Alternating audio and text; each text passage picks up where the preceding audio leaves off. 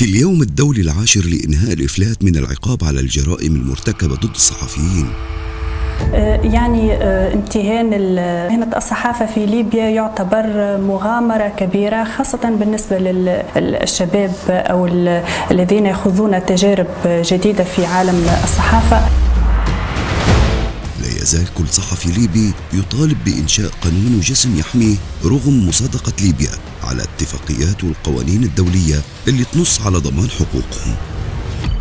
مفهوم حرية التعبير كما نفهمه اليوم ضمانا أساسيا للديمقراطية. ارتبط بالوقوف في وجه السلطة.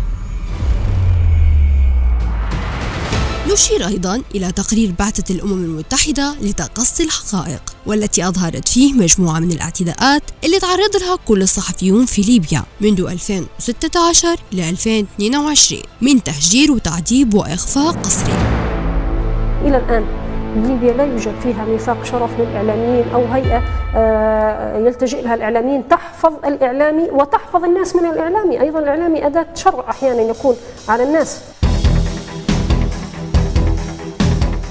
حرية الرأي والتعبير يبدو لي من المسائل الأساسية اللي لأجلها خرج المواطن. بيئة العمل الصحفي في ليبيا تأثرت بشدة بحدة الاستقطابات في العمل الصحفي طبعا هذا أثر سلبا على وضع الصحافة وعلى حريتها. لابد من تعزيز استقلاليتها لتضمن عملية التحول الديمقراطي. لخلق صحفيين مسؤولين عن الكلمة الحرة في إعلام مستقل. ساهم المركز الليبي لحرية الصحافة منذ نشأته مع العديد من منظمات المجتمع المدني على حماية الصحفيين والمطالبة بحقوقهم حيث أنشأ المركز خط ساخن لاستقبال شكاوي الصحفيين.